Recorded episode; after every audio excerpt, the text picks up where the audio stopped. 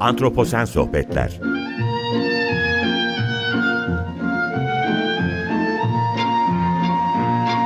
Hazırlayan ve sunan Utku Perktaş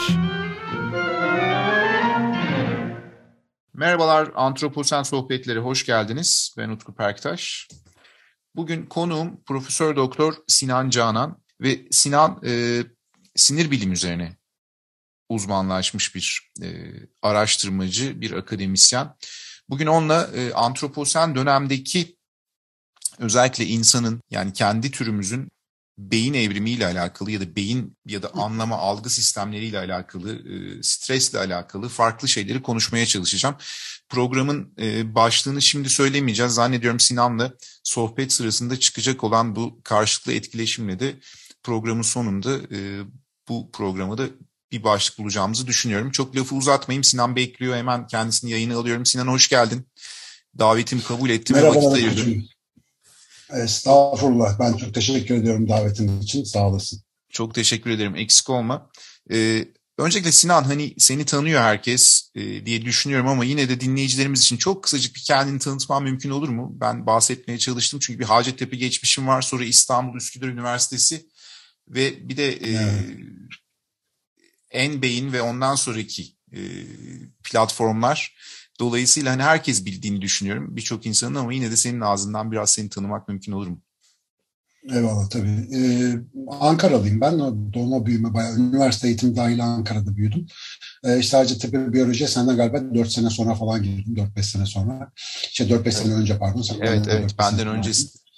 Ee, dolayısıyla işte 95'te orayı bitirince e, beni almadılar biyoloji bölümüne asistan olarak. Ben de ne yapayım falan derken tıp fakültesinde master doktora açıldı. Ondan sonra benim kariyer bir kaydı böyle tıp fakültesine başladık. İşte master'ımı histolojide, doktoramı da fizyoloji bölümünde yaptım ama ilk günden beri hep e, işte civciv beyinlerinden başlamak üzere beyin üzerine çalışmak kısmet oldu.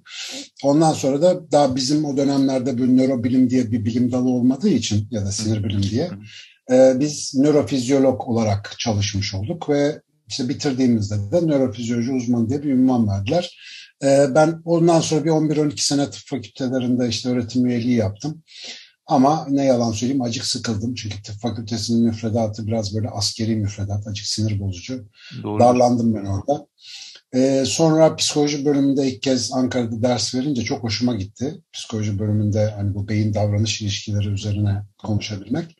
Sonra da Üsküdar Üniversitesi'nden davet gelince İstanbul'a taşındım. İşte 6-7 yıldır da İstanbul'da devam ediyorum. Bir de 5 yıl önce İstanbul'da Açık Beyin'i kurduk. Ankara'daki M Beyin'den sonra evet, açık e, İstanbul'da Açık Beyin'le devam ediyoruz. Açık Beyin'de adı üstünde beyin ve davranışla ilgili, evrimle ilgili, biyolojiyle ilgili bilgileri herkesin anlayabileceği açıklıkta anlatmaya çalışan bir ekip. E, şu anda en çok konuşanı benim. Ama yapmaya çalıştığımız şey sen de biliyorsun Türkiye'de bilim kültürü çok zayıf. Ee, onu e, olması gereken yere taşımak için her şeyi devletten beklemeden biz de elimizden geleni yapmaya gayret ediyoruz. Yo Sinan iyi ki de böyle bir ilgi alanı oluşmuş. Ben şunu söylemek istiyorum. Benim çevremden duydum. Mesela senin bu şekilde bilimi herkese ulaştırmaya çalışman ki çünkü halka indirgemek bilimi özellikle biz akademisyenler için biraz zor oluyor. Yani popüler anlamda bilim evet. yapmak hem çok önemli ama halka indirip ne bileyim herhangi bir e, eğitim şeyi gütmeden hani derecesi ne dikkate almadan herkese ulaştırmak e, bana göre her akademisyenin de harcı değil. O yüzden de ben gerçekten tebrik ediyorum. Özellikle Doğru. televizyon programlarında seni gördüğümde ki geçenlerde yine son zamanlarda işte benim e, izlediğim en iyi programlardan bir tanesiydi. Teke tek bilim diyeceğim burada yine adını açık vereceğim. Oradaki sohbet söyleşi de çok başarılıydı bence. E, bende de yeni ufuklar açtı ve işte ondan sonra da zaten buluştuk hani biraz daha imelendireyim dedim senin yoğun programın arasında. Eyvallah, iyi Şimdi Sinan yavaş yavaş ben kendi aklımdaki soruları geçmeye başlayacağım. Şöyle, e, ya merak ettiğim şu, e, özellikle antroposen dönem sanayi devriminden sonra başlıyor ya da bir diğer yaklaşım 1945 yılından sonra özellikle atom bombasının atılmasıyla beraber Hiroşima'ya Ondan sonra da bir takım e, bilimcilerin söylediği böyle bir dönemin başladığı ama e, bu antroposen dönemi insan nüfus artışı şekillendiriyor, tüketim çılgınlığı şekillendiriyor ve bununla beraber de önemli iki kriz yaşıyoruz. Biyoçeşitlik krizi ve iklim krizi. Ve ben artık her programda şunu dile getiriyorum. Aslında biyoçeşitlik krizi deyince de 3.8 milyarlık dünya mirası tehdit altında ve yok ediyoruz. Ve bu bizim biraz da insana bağlı olan bir şey ve e, algılarımız değişti. E, ne bileyim beynin evrimi çok hızlı süreçlerde gelişiyor mu bilmiyorum ama özellikle hayatımıza teknolojinin girmesiyle okuduğum kitaplardan bir tanesi mesela şunu söylüyordu yapılan araştırmalar özellikle sosyal medyada ya da ekrana bağımlı bir şekilde geçirdiğimiz yaşam tarzı bizim e, uzun süreli okuma kabiliyetimizi, bir şeye uzun süre konsantre olma kabiliyetimizi yitirdiğimizi söylüyordu. Hatta bu e, Japon balıklarıyla yapılan bir deneyde bile Japon balıklarının algısından bile geriye düşmeye başladığımızı gösteriyordu. Özellikle çocukların, gençlerin elinde cep telefonları var ve ekrana bak bakma ortalamamız günde 7 saati falan buluyormuş ki bu acayip bir bağımlılık ve e, beyindeki uyuşturucu merkezlerini falan e, telefona ya da dizilere ya da işte bilgisayar ekranına bakmak aynı merkezleri uyardığı söyleniyor. Şimdi bunları tabii ben bilmiyorum. Hep okuduklarım, bu alanda uzman değilim. O yüzden sana bunları sormak istiyorum. Bu kadar kısa sürede bu tür değişimler do- doğal mı ya da yani beklenen bir şey mi? Ee, insan beynini düşündüğümüz zaman bu bizim birçok davranış şeklimizi etkileyebilir diye düşünüyorum. Beslenmeden işte sosyal davranışlara kadar, insan etkileşimlere kadar. Bu konuyu sormak istiyorum. Yani bu konuda ne düşünüyorsun ya da nasıl bu durumu ele almamız gerekir? Şimdi ben biyolojiden çıkıp da tıp fakültesine girdikten sonra orada hızla bir şey fark ettim. Yani bir tabi aldığımız biyoloji eğitimi de buna çok büyük etkisi oldu. Evet. Mesela tıp biz hasta olunca bizimle ilgilenen bir bilime dönüşmüş. Yani sağlıklı bir insanın nasıl sağlıklı kalacağını ve sağlıklı bir yaşam sürdüreceğini tavsiye etme konusunda tıbbın neredeyse hiçbir aktif çabası yok. Doğru. Niye acaba böyle dedim? Yani düşünsene koruyucu hekimlik açısından yani hastalığı tedavi etmektense insanların hasta olmasını engellemek çok daha makul. Ki aslında koruyucu hekimlik diye bir bölüm de var tıpta ama işlevsiz yani çok fazla çalışmıyor ve e, insan sağlığı hakkında konuşan uzmanların sıklıkla birbirleriyle tezata düştüklerini hatta bazen gerildiklerini falan görebiliyorsun. İşte ortada bir tane insan var niye onun hakkında böyle bir net doğru yaşam kılavuzu biz ortaya koyamıyoruz, niye yapamıyoruz diye böyle bir merakım uyandı. Ve bakınca gördüğüm şey dehşet vericiydi. Tıpta biyoloji olmadığı için bunların olduğunu fark ettim. Biyoloji e, bize sadece lisede falan öğretilmiyor değil tıp biyolojinin bir alt dalı olmasına rağmen tıpta da neredeyse biyolojiden hiç bahsedilmiyor. Şimdi böyle olunca biyoloji bilmemenin özellikle de bu devirde nelere sebep olabileceğini, bizi nasıl handikaplara sokabileceğini düşünmeye başladım ve işte yaklaşık 15-20 sene boyunca buna kafa yorunca senin sorduğun sorunun cevabını aslında işte bir kitap üçlemesi olarak 2020'nin sonunda yayınladım ben. İnsanın Fabrika Ayarları diye bir kitap oldu. Evet, evet. Nedir insanın fabrika ayarları? Ee, bizim 3,5 milyar yıllık evrimsel ayarlarımızdan bugüne getirdiklerimizle şu anda içinde yaşadığımız dünyanın ki bunun tamamını kendi ellerimizle şekillendirdik bugün. Bu dünyanın ne kadar uyumlu ne kadar uyumsuz olduğuna bakmamızı sağlayan bir kılavuz aslında ve sonuçta şöyle bir yere varıyorsun. Yani biliyorsun ki işte bize biyolojide çok iyi öğretirler ama biz biyoloji öğrencileri olarak bile bunu e, idrak etmekte çok zorlanırız. Mesela milyonlarca yıl süren, nesiller boyunca devam eden değişimleri insan zihninde kolayca anlayabilmesi mümkün değil. Ve biz biraz önce senin de resmini çizdiğin gibi bu antroposen çağı şurada 100 sene, 150 sene bir şeyden bahsediyoruz. Yani tabii, tabii, çok insanın bu kadar yoğun etkinlik içerisinde olduğu zaman çok kısa bir zaman süresi aslında. Hadi ben biraz daha bollaştırayım sanayi devriminden buraya alalım. 200-250 sene olsun. Şimdi böyle baktığın zaman 250 senede biyolojik bir organizmanın 2-3 e, nesil geçmiş oluyor ya da 4 nesil geçmiş oluyor. 4 nesilde herhangi bir dişe dokunur değişiklik gösterebilmesi mümkün değil. Yani evrimsel bir adaptasyon mümkün değil. Ve şu anda benim e, büyük kızımla küçük kızımın arasında 6 yaş fark var ve ikisi başka dünyaların insanları. Hatta büyük kızım bir ara dedi ki ben bu yeni nesli anlamıyorum diyor kardeşi için. 6 yaş, 6 sene bu kadar büyük farklılığa sebep olabiliyor. Şimdi bu çılgınca insan eliyle üretilen değişime biyolojik olarak adapte olma şansımız zaten yok. Bir başka handikap daha var. Bizim milyonlarca yıl boyunca insanlaşma sürecimizde, işte bu insanın evriminde her gün yeni bir şeyler öğreniyoruz biliyorsun. Ee, doğadaki koşullarda bu çıplak ve işte dik yürüyen primatın en optimum şekilde yaşayabileceği bir ekipmanla donatılmışız biz. Yani milyonlarca yıllık hikayenin sonucu bu. Ama şimdi doğada baş etmemiz gereken tehlikelerin hiçbiriyle karşılaşmadığımız ve tamamen suni olarak kendi elimizle kendi rahatımız için yarattığımız bir ortamda yaşıyoruz. Biraz önce bahsettiğin sosyal medya ve dijital imkanlar da dahil, kullandığımız makineler, araçlar dahil, iletişim biçimleri dahil, e, tükettiğimiz gıdaları üretme biçimimiz dahil her şey gayri tabi ve doğada olmayan bir bolluk e, çıkarıyor karşımıza. Şimdi böyle bir ortamda e, ben diyorum ki kısaca yokluklar devri için tasarlanmış bir canlı kendi eliyle yarattığı yok, çokluklar devrinde ciddi bir problem çekiyor. İşte bugün biliyorsun çok yemek hasta ediyor, hareketsizlik hasta ediyor. Bu kadar imkana rağmen stresten ölüyoruz falan filan böyle çok tuhaf bir durum içerisindeyiz. Bütün bu hikayeye bakınca insan sırf rahat edeceğim, daha hızlı olacağım, daha verimli, daha efektif yöntemler bulacağım diye kendi kendini yok etmenin ucuna gelmiş gibi. Çünkü ne olduğunu düşünmeye, nasıl bir varlık olduğunu düşünmeye hiç vakit ayıramadan devamlı bilim, teknik, inovasyon, düşünce bir şeyler üretmeye çalışıyoruz. Ya bir iki dakika duralım arkadaş bizim gerçekten buna ihtiyacımız var mı? Bizim yapılanmamız aslında ne istiyor sorusunu soramıyoruz. Tıptan başlayıp günlük hayatımıza kadar uzanan gözlemlerim bana bunu söylüyor. Ve bunun ciddi bir tehlike olduğunu düşünüyorum. Çözümü de aslında çok basit bana sorarsan. Yani bu nesilden itibaren şu ortaokul, lise düzeyinde insan gibi biyoloji öğretebilirsek, yani biyolojinin temellerini anlatabilirsek, biraz evrimsel biyolojinin mantığını verebilirsek, detaylarına evet, hiç önemli. gerek yok. İnsanlar yavaş yavaş varlıklarının bileşimi üzerine düşünme cesareti bulacaklar. Ve şimdi dikkat et, Kimse bu işleri sorgulamıyor. Biyoloji dedim herkes köşe bucak kaçıyor. Bunu bir ders zannediyor. Halbuki biyoloji bir ders değil. Yaşam bilgisi, yaşam bilgeliğidir. Dolayısıyla işte ben biraz bunu vermeye çalışıyorum aslında insanlara temel düzeyde.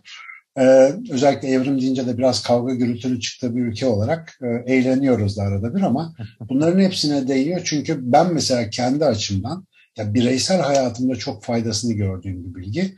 Ve umuyorum yani dünya insanlarına da bu bilgiyi anlaşılır bir şekilde hediye edebilirsek bu bahsettiğin modern insanlık krizi artık modern de denmez ona modern çağda postmodern çağda geçtik ama yani şu yeni dönemin insanlık krizinin en önemli çözümü biyolojimizi anlayıp ona göre bir hayat dizayn etmekte.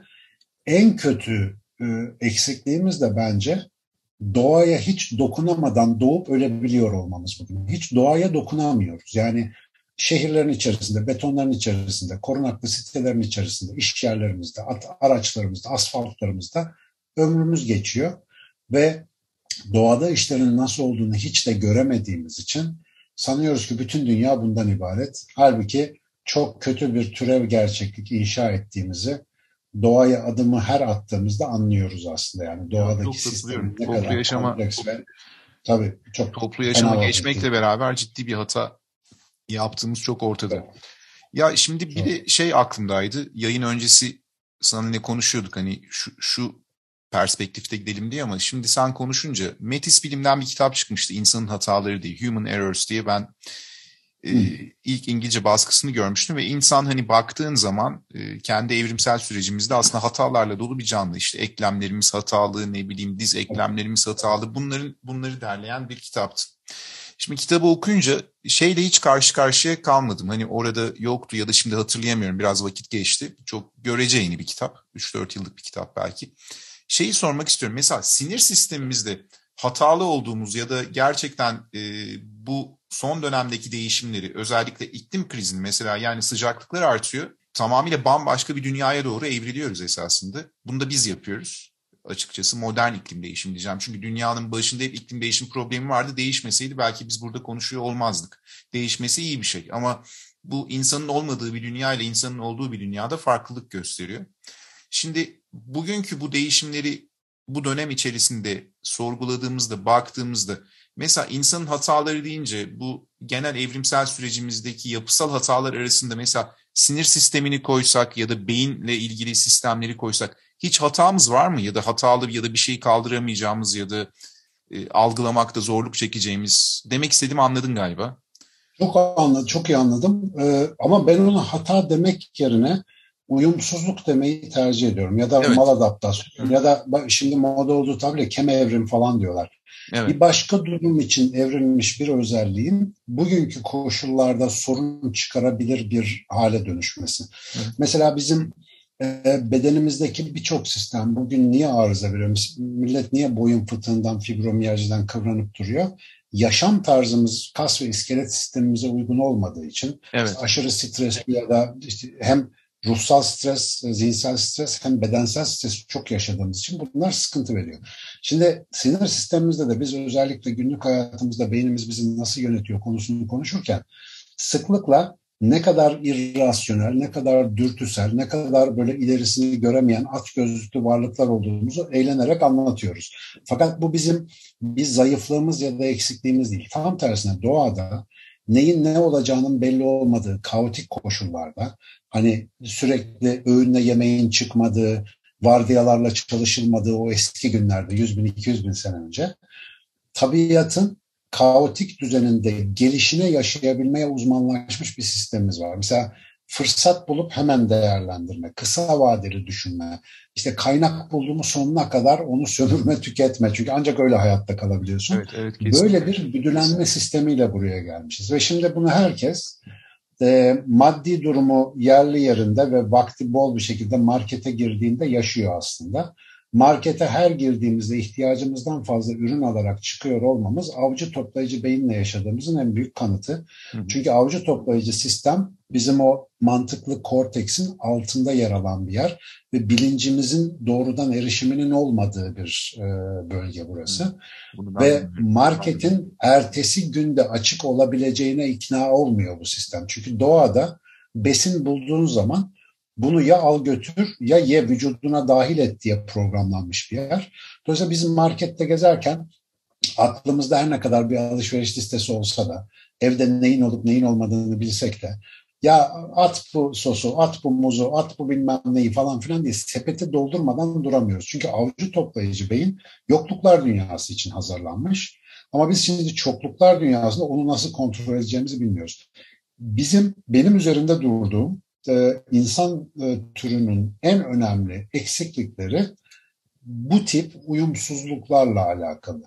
Mesela şu anda milyonlarca insanla tek tıkla iletişim kurabildiğim bir teknolojiye sahip olmamıza rağmen en çok yalnızlık çeken insanın dünyada yaşıyor olması şu dönemde yalnızlığın bakanlıklar kurulacak kadar önemli bir şey haline gelmesi aslına bakarsan trajikomik bir durum, ironik bir şey yani.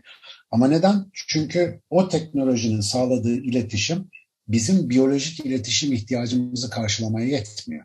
Bizim biyolojik iletişimimiz işte Dunbar'ın tarif ettiği gibi maksimum 100-150 kişilik gruplar içerisinde insanların birebir e, diğerlerini tanıdığı, bildiği ve gruplar halinde etiketlemeye ihtiyaç duymadığı, bireysel olarak tanıdığı, derdini, tasasını bilebildiği, yardımlaşabildiği vesaire insanlardan oluşan bir sisteme göre ayarlanmış. Ama şimdi cep telefonunu açar açmaz 5 milyar insanla temasa geçtiğim bir dünya benim beynime uygun değil. Benim ben bunu handle edemiyorum. Dolayısıyla ne yapıyorum?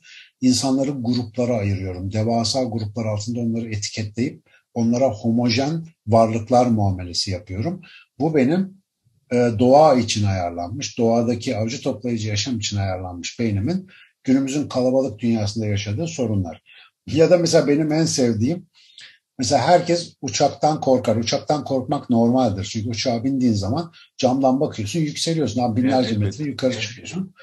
Ama bir otomobille giderken 250 kilometre sürat yapınca insanlar o kadar korkmuyorlar. Yani 250 kilometre sürat çok tehlikeli bir şey. Hem de tekerlerin yerdeyken yani. Niye korkmuyoruz bu kadar? Çünkü bizim yatay hızlanma gibi evrimsel bir tecrübemiz yok ama ağaçtan düşme gibi evrimsel bir tecrübemiz var. Hmm. Yüksekten düşmek atalarımızdan bize gelmiş bildiğimiz bir deneyim. O yüzden uçaktan, helikopterden, yüksekte durmaktan ödümüz kopuyor. Ama bak arabaya hazır olmadığımız için, arabanın hızlanmasına, otomobilin hızlanmasına evrimsel bir hazırlığımız olmadığı için en fazla insan trafikte ölüyor. Çok güzel Hesaplayamıyoruz. Çok güzel bir tespit. Tabii.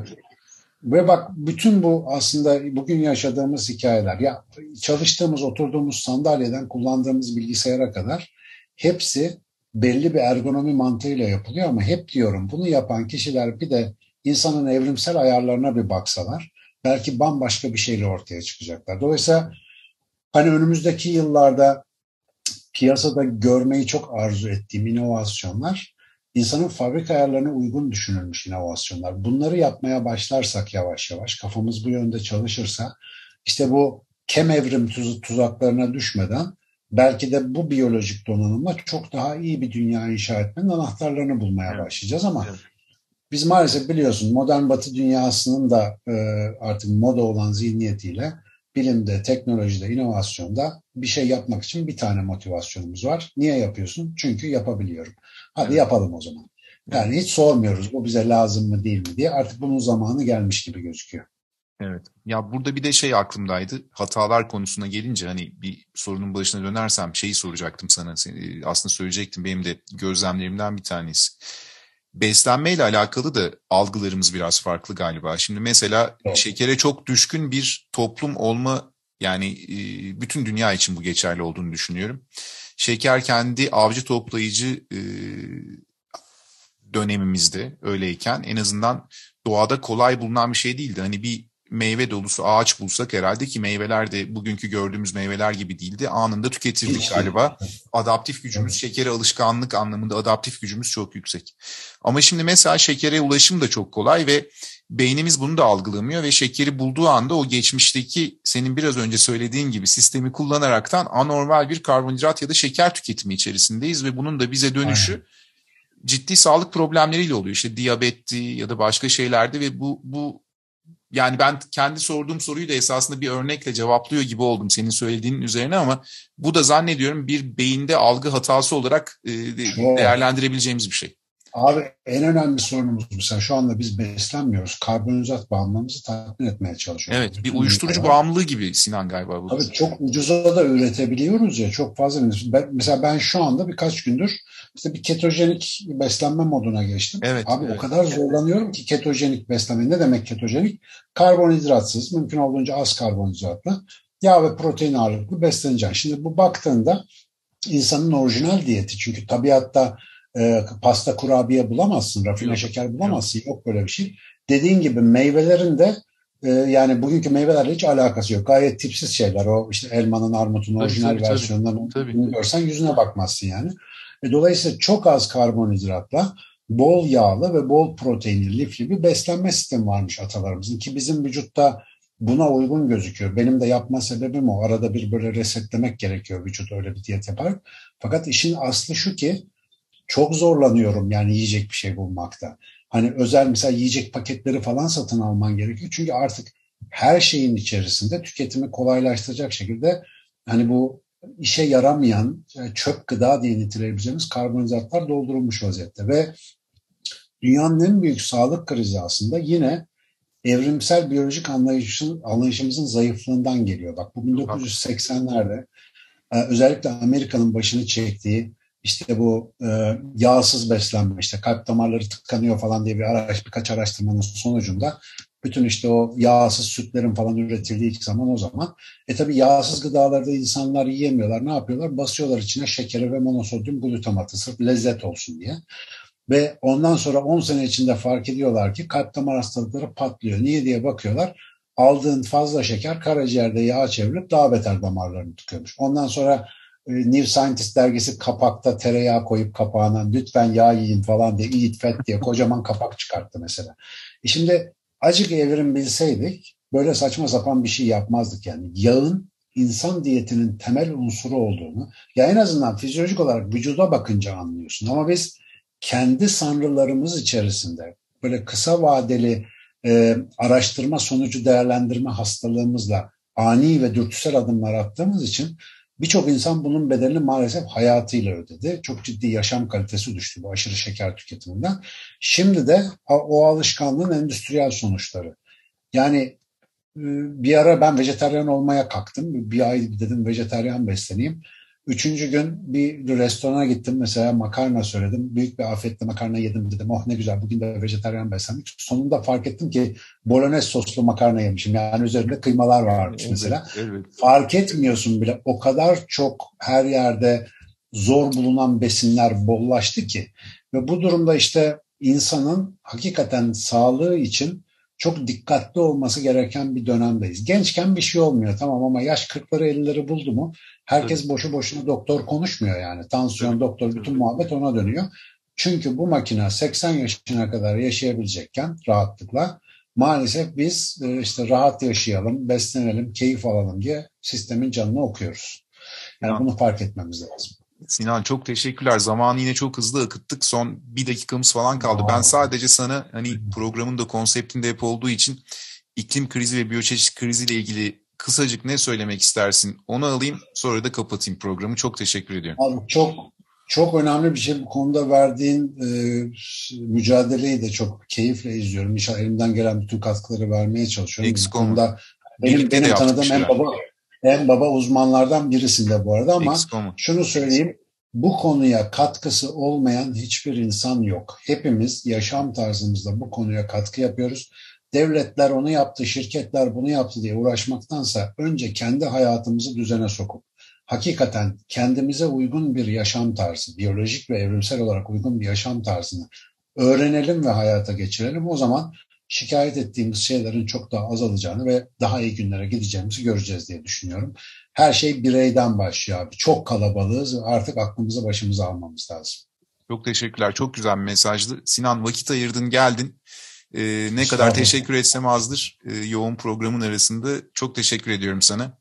Ee, ben sana çok teşekkür ederim. Bu vesileyle dinleyicilerimize de akşamlar diliyorum. Bugün konuğum e, Profesör Doktor Sinan Canan'dı Üsküdar Üniversitesi'nden.